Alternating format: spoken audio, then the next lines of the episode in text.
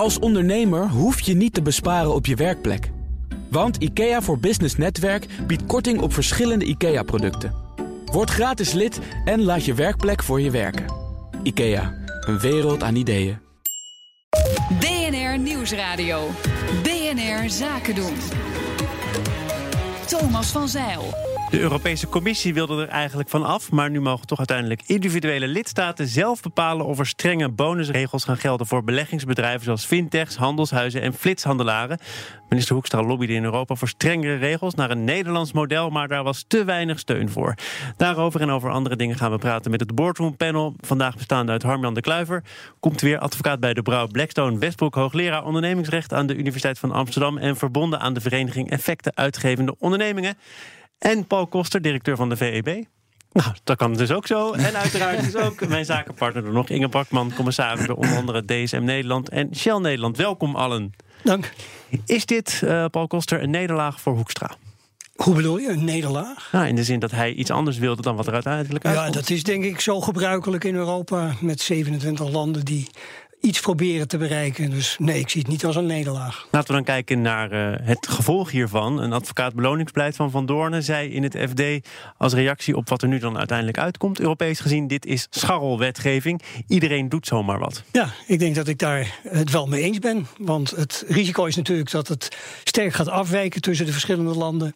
En in mijn ogen moet je die beloning, wil je kijken naar Europa, toch echt proberen dat je een bepaald beleid hebt wat in omringende landen ook gevoerd wordt.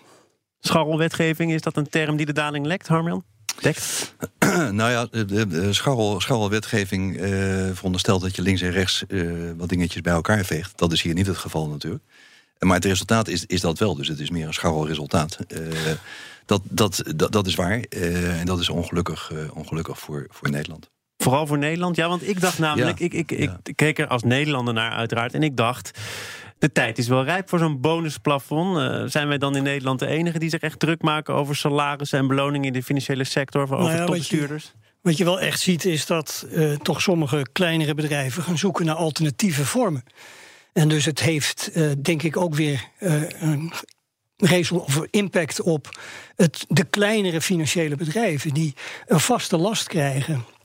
En daar zie ik dus ook wel bezwaren. Maar wat bedoel je dan met andere vormen die nu gezocht gaan nou ja, worden? Als je je bonus capt, dan ga je dus toch proberen op een andere manier een zekere beloning te geven die ook concurrerend is. En dat maakt vaak dat er dan uitwegen worden gezocht. Ja, ik, ik, eh, op zich is dat allemaal waar. En eh, zeker als het over geld gaat, dan gaat het altijd naar het laagste punt. Er zijn altijd mensen die um, um, uitzonderingen voor elkaar zullen kunnen krijgen. Ik vind het wel uh, dat Hoekstra het geprobeerd heeft. En het wel toch in Nederland het aan de orde stelt. We hebben in Europa en eigenlijk in de rest van de wereld een groot probleem tussen uh, arm en rijk en de grotere kloof. We hebben de gele hesjes. Er is van alles aan de hand. En als je niet ergens begint om te laten zien dat er ook aan de kant van beloningen toch een, een grens is, dan blijf je het eigenlijk het ouderwetse kapitalisme alleen maar stimuleren. Dus het is wetgeving, maar ik vind het wel belangrijk dat er een land is wat zegt: wij willen ergens wat aan doen.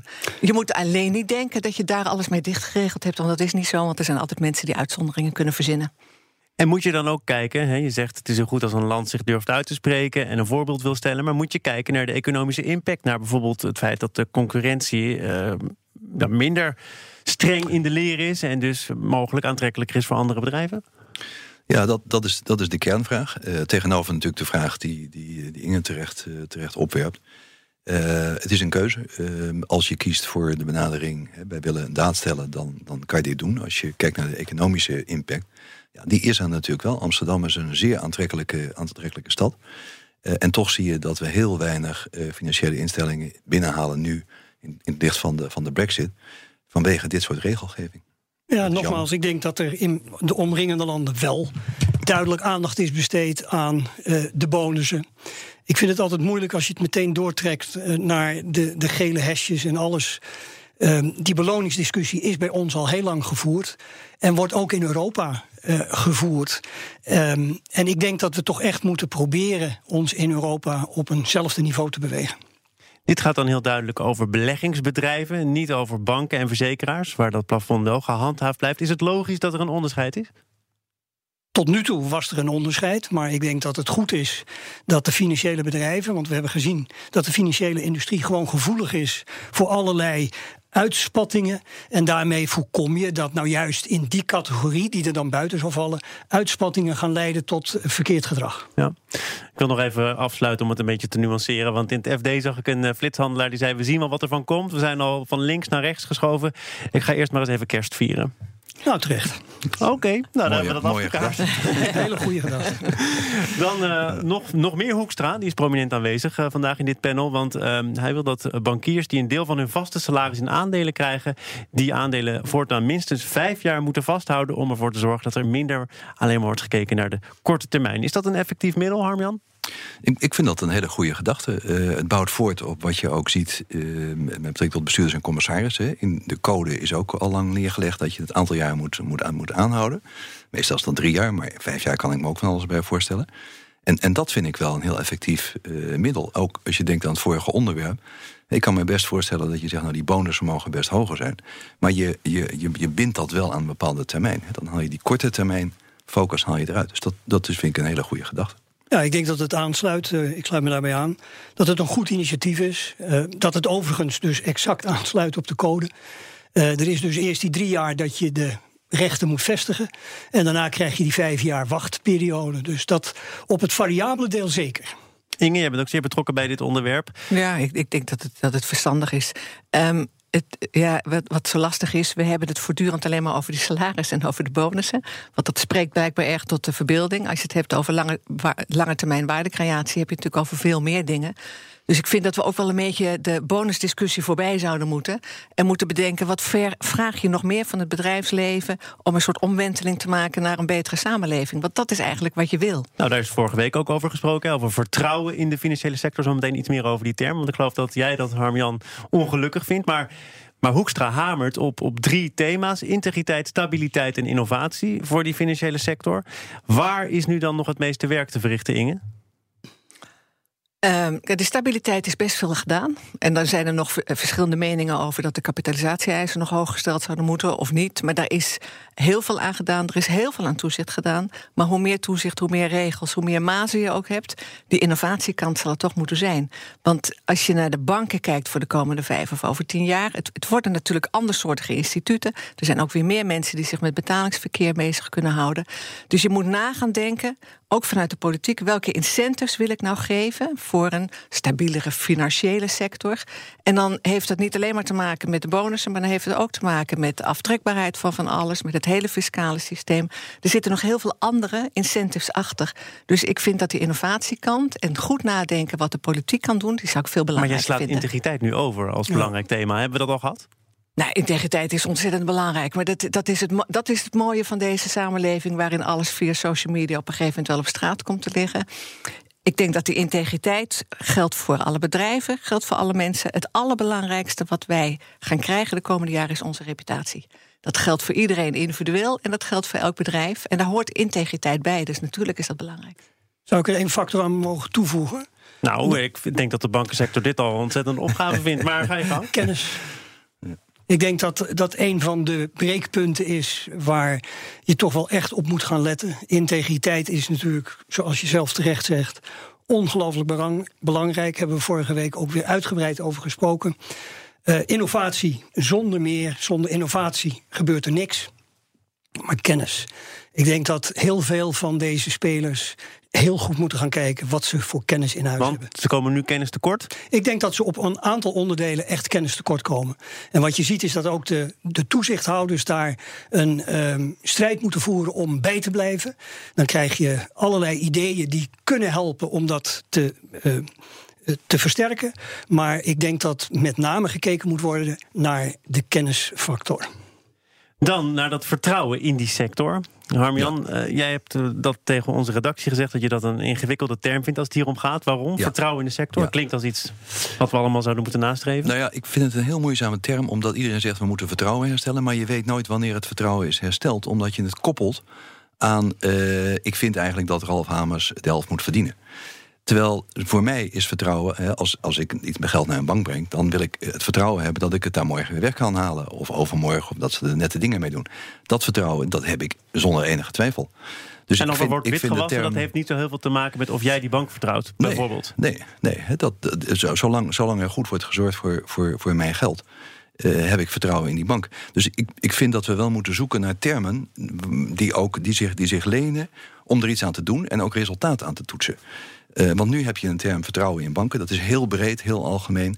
We kunnen nooit vaststellen dat het vertrouwen is hersteld op deze manier. Dus ik vind het ongelukkig vanuit die, eh, van die, Ja. vanuit die gedachtegang. Ik vind het wel grappig om, om los te koppelen. Ik denk dat mensen echt nog wel vertrouwen hebben in ING. Precies. Maar incidenten of over de, eh, nou ja, of van de banken of andere topmensen, die schaden wel het vertrouwen in het gevoel dat je met elkaar deze samenleving vormgeeft.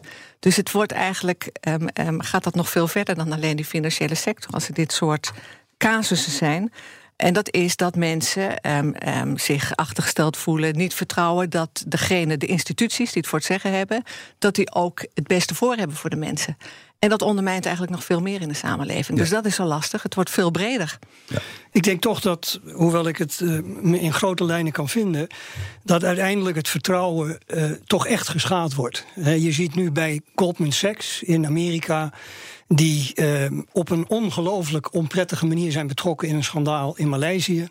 Ehm, dat, geeft gewoon, dat heeft direct consequenties. Ook voor de mogelijkheden om business te doen, om zaken te doen.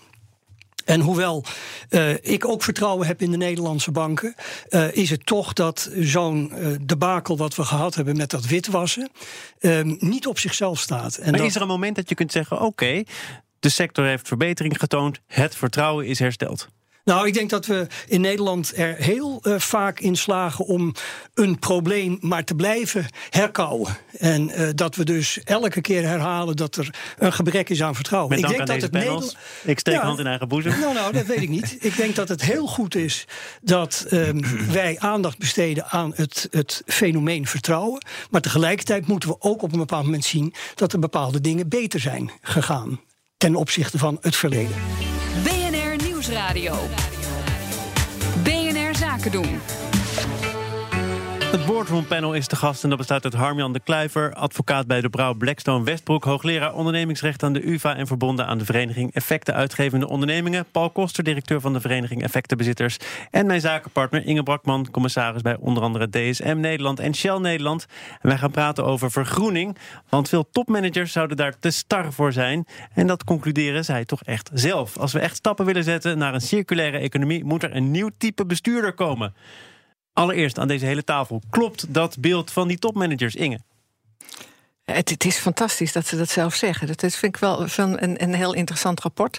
Eh, over het algemeen zie je namelijk vaak, dat hebben we met, met de codebanken ook gehad, met de monitor, dat de bestuurders zelf het gevoel hebben dat ze het beter doen dan dat de samenleving het rapportcijfer geeft. Meestal zit daar de discrepantie. Nu geven ze elkaar rapportcijfers en wordt die dus blijkbaar onvoldoende gezien. Dat, ehm, ehm, dat is aan de ene kant erg tragisch, na al dat praten met elkaar, dat ze niet verder gekomen zijn. Aan de andere kant is het zelfinzicht, dat is weer wel prijzenswaardig. Dus dat betekent dat als je het gevoel hebt dat je niet goed genoeg bent voor deze tijd, ja, dan moet je dus plaatsmaken. Dus dan Even moet de dat cijfers over hebben. dat, dat eh, zelfreflecterende vermogen. 80% van alle vrouwen en 40% van alle mannen, dat is dus niet zo heel erg veel overigens, vindt zichzelf wel een goede circulaire bestuurder. Ja, ik, ik, ik moet zeggen, ik heb eh, de stukken, een paar stukken van jullie ontvangen. Ik vind het wel heel lastig om het onderzoek te doorgronden. Want ik zag dat eh 40% was private equity verbonden. Eh, en dan was er nog 10% uit de overheid. En dan was er nog wat andere percentages. Openbaar bestuur, Eh, private openbaar sector, bestuur. er zat van Dus alles in, het- er zat- inderdaad. Er zat van alles in, dus ik vind het wel heel moeilijk om dat, om dat te herleiden.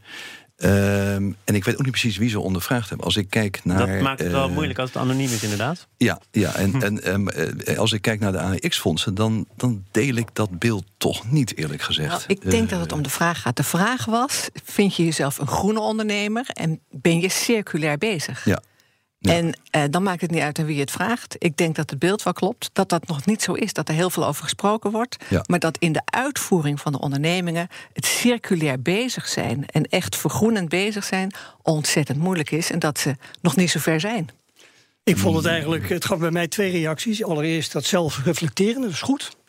En dan komt de schokkende mededeling, eh, maar we hebben eigenlijk volgen we maar geen cursus om ons leiderschap te verbeteren. Nee, de meeste mannen die hebben nog nooit Ja, een training gevolgd om echt- hier bestuurlijk op vooruit te gaan. Exact. En dan denk ik, dit is een aspect wat je ook jezelf eigen kan maken. Door daar in ieder geval in getraind te worden. Dus het, het was een plus en toen werd het ineens een min. En ik denk dat dat wel een verontrustend aspect is. Even los van de terechte opmerking, hoe is dat onderzoek gedaan? Alle vrouwen hebben trouwens die cursus wel gedaan. hè? die zou nog wel even erbij Nee, nee, dat- Ja, dat, dat- en ja, als, ik, maar- als, ik, als, ik, als ik kijk naar wat er aan. Ik kan het met name beoordelen voor de AX eh, en, en zeg maar de beursgenoteerde ondernemingen, omdat ik daar heel veel mee te maken heb. Ja, daar daar wordt, wordt echt vrij intensief eh, aan cursussen gedaan. Ook door de, door de bestuurders. Dus dat, daar herken ik het minder. Dus Is ik- het trouwens een cursus? Want een van hen, anoniem, eh, Mr. of Mrs. X, zegt... eh, ik ervaar een fundamenteel gebrek aan kennis bij de bestuurlijke top over duurzaamheid. Eh, daardoor wordt alles defensief dichtgetimmerd. Dat klinkt niet meteen alsof een cursus daarin Nou. nou een wereld van verschil kan maken. Dat, dat zie ik niet. dat ik niet. denk dat eh, Oké. Kees van De Dijk... mannen herkennen het niet. Nee, nou, nee, ik denk niet dat dat is dichtgetimmerd. Ik denk dat een veel eh, belangrijker issue is aan die kant van duurzaamheid. Eh, weten we waar we echt over praten? Ehm, dat hele, die Ja, hele als, je geen, discussie. als je geen cursus volgt of geen training Ja, volgt, dan wordt het steeds lastiger. Ja, maar er zijn dus heel veel ehm, initiatieven om meer te vertellen over de duurzaamheid. Eh, maar dan moet je wel met gegevens komen en met feiten en met cijfers die ook echt te onderbouwen zijn. En daar denk ik moet eerst een standaardisatie plaatsvinden. Wil je serieus over die duurzaamheid echt ook naar de belegger toe kunnen rapporteren? Of zitten er? Er is iemand, een twitteraar, die verheugt gewoon een hele dag op deze discussie. Wist dat het eraan zat te komen. Die zegt: Kijk, het is natuurlijk veranderen of vertrekken. En heeft hij met name over de boardrooms. Die zouden moeten verjongen. Jonge mensen leren makkelijker, slaan makkelijker op, doorbreken oude patronen. Wordt er nog wel door de juiste mensen over dit soort zaken nagedacht? Ja, maar, maar wat, wat doen jonge mensen? Jonge mensen die eh, zitten eindeloos op, op, op Twitter en op Facebook en andere dingen. Als je kijkt wat de grote vervuilers zijn, dan moet je Facebook, Google en Amazon bepaald eh, niet uitvlakken. Eh, dus- vind je dat daar- daardoor daar die jonge mensen een paar zichzelf disqualificeren? Nee, natuurlijk niet. Natuurlijk Oh? niet, Nee, natuurlijk denk niet, natuurlijk niet. Dus jij mag prima meedoen. Bedankt. Eh, dat is, Nee, ik heb ook via Twitter, dat deze is- opmerking. nee, nee, nee, dat, dat, tuurlijk, tuurlijk moet je dat doen. Maar het is, eh, het is wel ingewikkelder dan eh, jonge mensen doen het goed. En als je wat ouder bent, dan, dan snappen ze het niet. Maar toch zie Ja, ik we- we- ik vind wel dat we zijn, we zijn behoorlijk vastgeroest. Natuurlijk, maar dat is het lastige van ons systeem. Dat de aandeelhouderswaarde de belangrijkste waarde is. En dat we minder kijken naar de andere zaken. We hebben, eh, ik, ik, ik schrik ervan als ik nu beelden uit 1970 zie. En daar allemaal waarschuwingen gezeten hebben over ons klimaat. En dan zijn we dus nu 50 jaar verder. En dan gaan we proberen daar wat aan te doen. Als we zo met de rest van de duurzaamheid ook omgaan. En met de Sustainable Development Goals. We hebben ze al lang ontwikkeld. De Verenigde Naties heeft ze ontwikkeld. Als wij er weer 40 jaar over gaan doen om dat te implementeren in de boardroom. Dan gaat dat, gaat dat, wordt dat te laat. Dan is dat te laat. En jongeren zijn ongeduldiger. En ik vind dat ze daarin gelijk hebben. Dat ze wel zoiets hebben van jongens, als je het zelf niet doet, maak dan maar plaats. Nou, als ik kijk naar mijn eigen eh, kinderen en ook de contacten die ze hebben, dan zie ik toch wel echt een veel bredere belangstelling. Ja, ze zitten inderdaad heel veel op eh, Twitter en allerlei, maar ze hebben wel echt besef dat er nu wat moet gebeuren. Dus ik ben zelf eigenlijk vrij optimistisch dat die generatie die er nu aankomt echt een duw gaat geven in de richting waar Inge u nu net op wijst. Er moet wat gebeuren. Dat geldt ook voor de accountantssector. Ik maak toch maar weer even de bruggetje. En de minister Hoekstra vindt het al langere tijd. Die heeft een tijdje lang de sector zelf de kans gegeven en geboden om met veranderingen te komen. Maar hij gaf een paar maanden geleden aan. Er komt nu een externe commissie. Die is nu ook samengesteld. Er zit een hoogleraar in, een ex-Kamerlid en een uh, Nijenrode onderzoeker. Valt er veel te verwachten van die commissie, Paul? Uh, nou, ik denk dat als je kijkt naar de onrust in de accountantswereld, Engeland daar uh, een heel sterk voorbeeld van is. Er zijn net uh, twee, in het derde rapport komt eraan, rapporten gepubliceerd. Ehm, ik denk dat het goed zou zijn geweest als vanuit Nederland eigenlijk aansluiting zou zijn gezocht bij die verschillende commissies. Want we gaan toch weer heel veel werk overdoen. Uh, want je moet je realiseren dat het gaat over de vier grote accountantsfirma's dat kun je niet bijna um, gelokaliseerd uh, benaderen. Uh, dat zou geweldige Doen ze in uh, Groot-Brittannië nu overigens wel. Daar nou nee, nee, zo lang ver is het nog lang niet. En mag ik er even... ik ben daar ook niet gerust op dat dat... of laat ik het anders zeggen. Ik ben daar niet zeker van dat het ook zo wordt doorgevoerd. Want, het gaat over het marktaandeel van die Big Four. Ja, dat en dan, dat betekent in feite, worden. probeerde ik de vergelijking te trekken... je zit in een ziekenhuis heel gespecialiseerd in een bepaalde vorm van ziekte... en je krijgt nou, spijt me, maar u moet nu naar een ander ziekenhuis... en daar is iets minder kennis aanwezig. Hoe gaan we oplossen dat uh, daar waarom al die grote bedrijven die Big Four kiezen... dat ze nu ineens naar een partij gaan die veel uh, malen kleiner is. En die de kennis niet heeft. Daarvoor wordt geopperd dat je er wellicht twee firma's opzet. Dat zou een begin kunnen zijn, maar dat is natuurlijk een traject wat jaren gaat duren. Ja. Alleen maar ja? Uh, ja. Uh, de, de, de accountants, dit is een beetje waar we het voor de pauze over hadden. Zo'n onderwerp wat maar eindeloos blijft, uh, blijft doorsukkelen. Ik kan ook niet beloven dat dat de laatste keer is. Nee, nee, nee, het is niet, nee, nee, het is terecht dat jullie het aan de orde stellen. Maar het wordt elke keer, als je kijkt, wat is er aan de hand met accountants? Ja, er was Vestia, inmiddels tien jaar geleden. Ja, er was dit, vijf jaar geleden. Natuurlijk gaat het daar niet allemaal goed. Maar ik vind ook daar wel dat we uh, een beetje moeten kijken van wat, waar, heb, waar heb je nou die firma's voor? Waarom zijn die, die big voor ontstaan? Nou, wat Paul Koster zegt, om die internationale ondernemingen te servicen. Hoe ga je dat anders doen? Weet je, wat heeft dat nou voor zin om dat te gaan zitten op? Geen taboes. Dat is de opdracht van de commissie. Zou er dan toch een doorbraak geforceerd kunnen worden? Want het gaat onder andere over de vraag... hoe verdienen die bedrijven hun geld? Die worden betaald door de bedrijven die ze ook moeten controleren. En dan is de gedachte, dat, dan doen ze dat misschien net wat minder kritisch. Maar, maar moet, nou, moeten wij dat, dan zelf gaan betalen? Dat ze best wel kritisch zijn. Maar goed, ING zit ook nog een, een onderzoek achter hè, voor EY. Uh, volgend jaar wordt een groot jaar voor de accountants. Dat kan niet anders. Met deze commissie erbij en met de andere onderzoeken. En op een of andere manier hebben we het gevoel dat de accountants niet goed genoeg hun gewone controlewerk doen. En daar zijn ook elke keer voorbeelden van. Maar natuurlijk krijgen we natuurlijk een, een klein onderdeel van voorbeelden waar het misgaat. En bij 95% gaat het goed. Maar er is wel een gevoel dat de accountants niet altijd doorpakken op de dingen waar ze echt voor moeten zijn. En uh, ja, die, dat is wel de, de eerste um, poortwachter die, wij, die we moeten vertrouwen. Dus er gaat nog wel wat gebeuren volgend jaar. Het viel een beetje op dat uh, de minister een onderscheid maakte tussen de prestatiekloof en de verwachtingskloof. Ja. En die verwachtingskloof is heel erg groot. Dat is ook waar we Inge op wijst. Uh, dat is ook niet helemaal onbegrijpelijk. Want als je ziet wat er soms echt fout gaat. Zo'n uh, incident als bij Danske, waar gewoon acht jaar lang echt op enorme schaal. En eye-popping verschillen hè, in de performance van een branche die zo klein was dat je hem nauwelijks kon waarnemen, dan denk je wel echt bij jezelf: wat heeft die accountant gedaan? Dus ik vind het jammer dat de minister zegt: ik kijk meer naar de prestatie. Dank voor die laatste woorden. Die waren van Paul Koster, ook de gast in dit boardroom. En dat was Harmjan de Kluiver en mijn zakenpartner Inge Parkman. Dank daarvoor. Graag gedaan. Tot de volgende keer. Als ondernemer hoef je niet te besparen op je werkplek. Want IKEA voor Business Netwerk biedt korting op verschillende IKEA-producten. Word gratis lid en laat je werkplek voor je werken.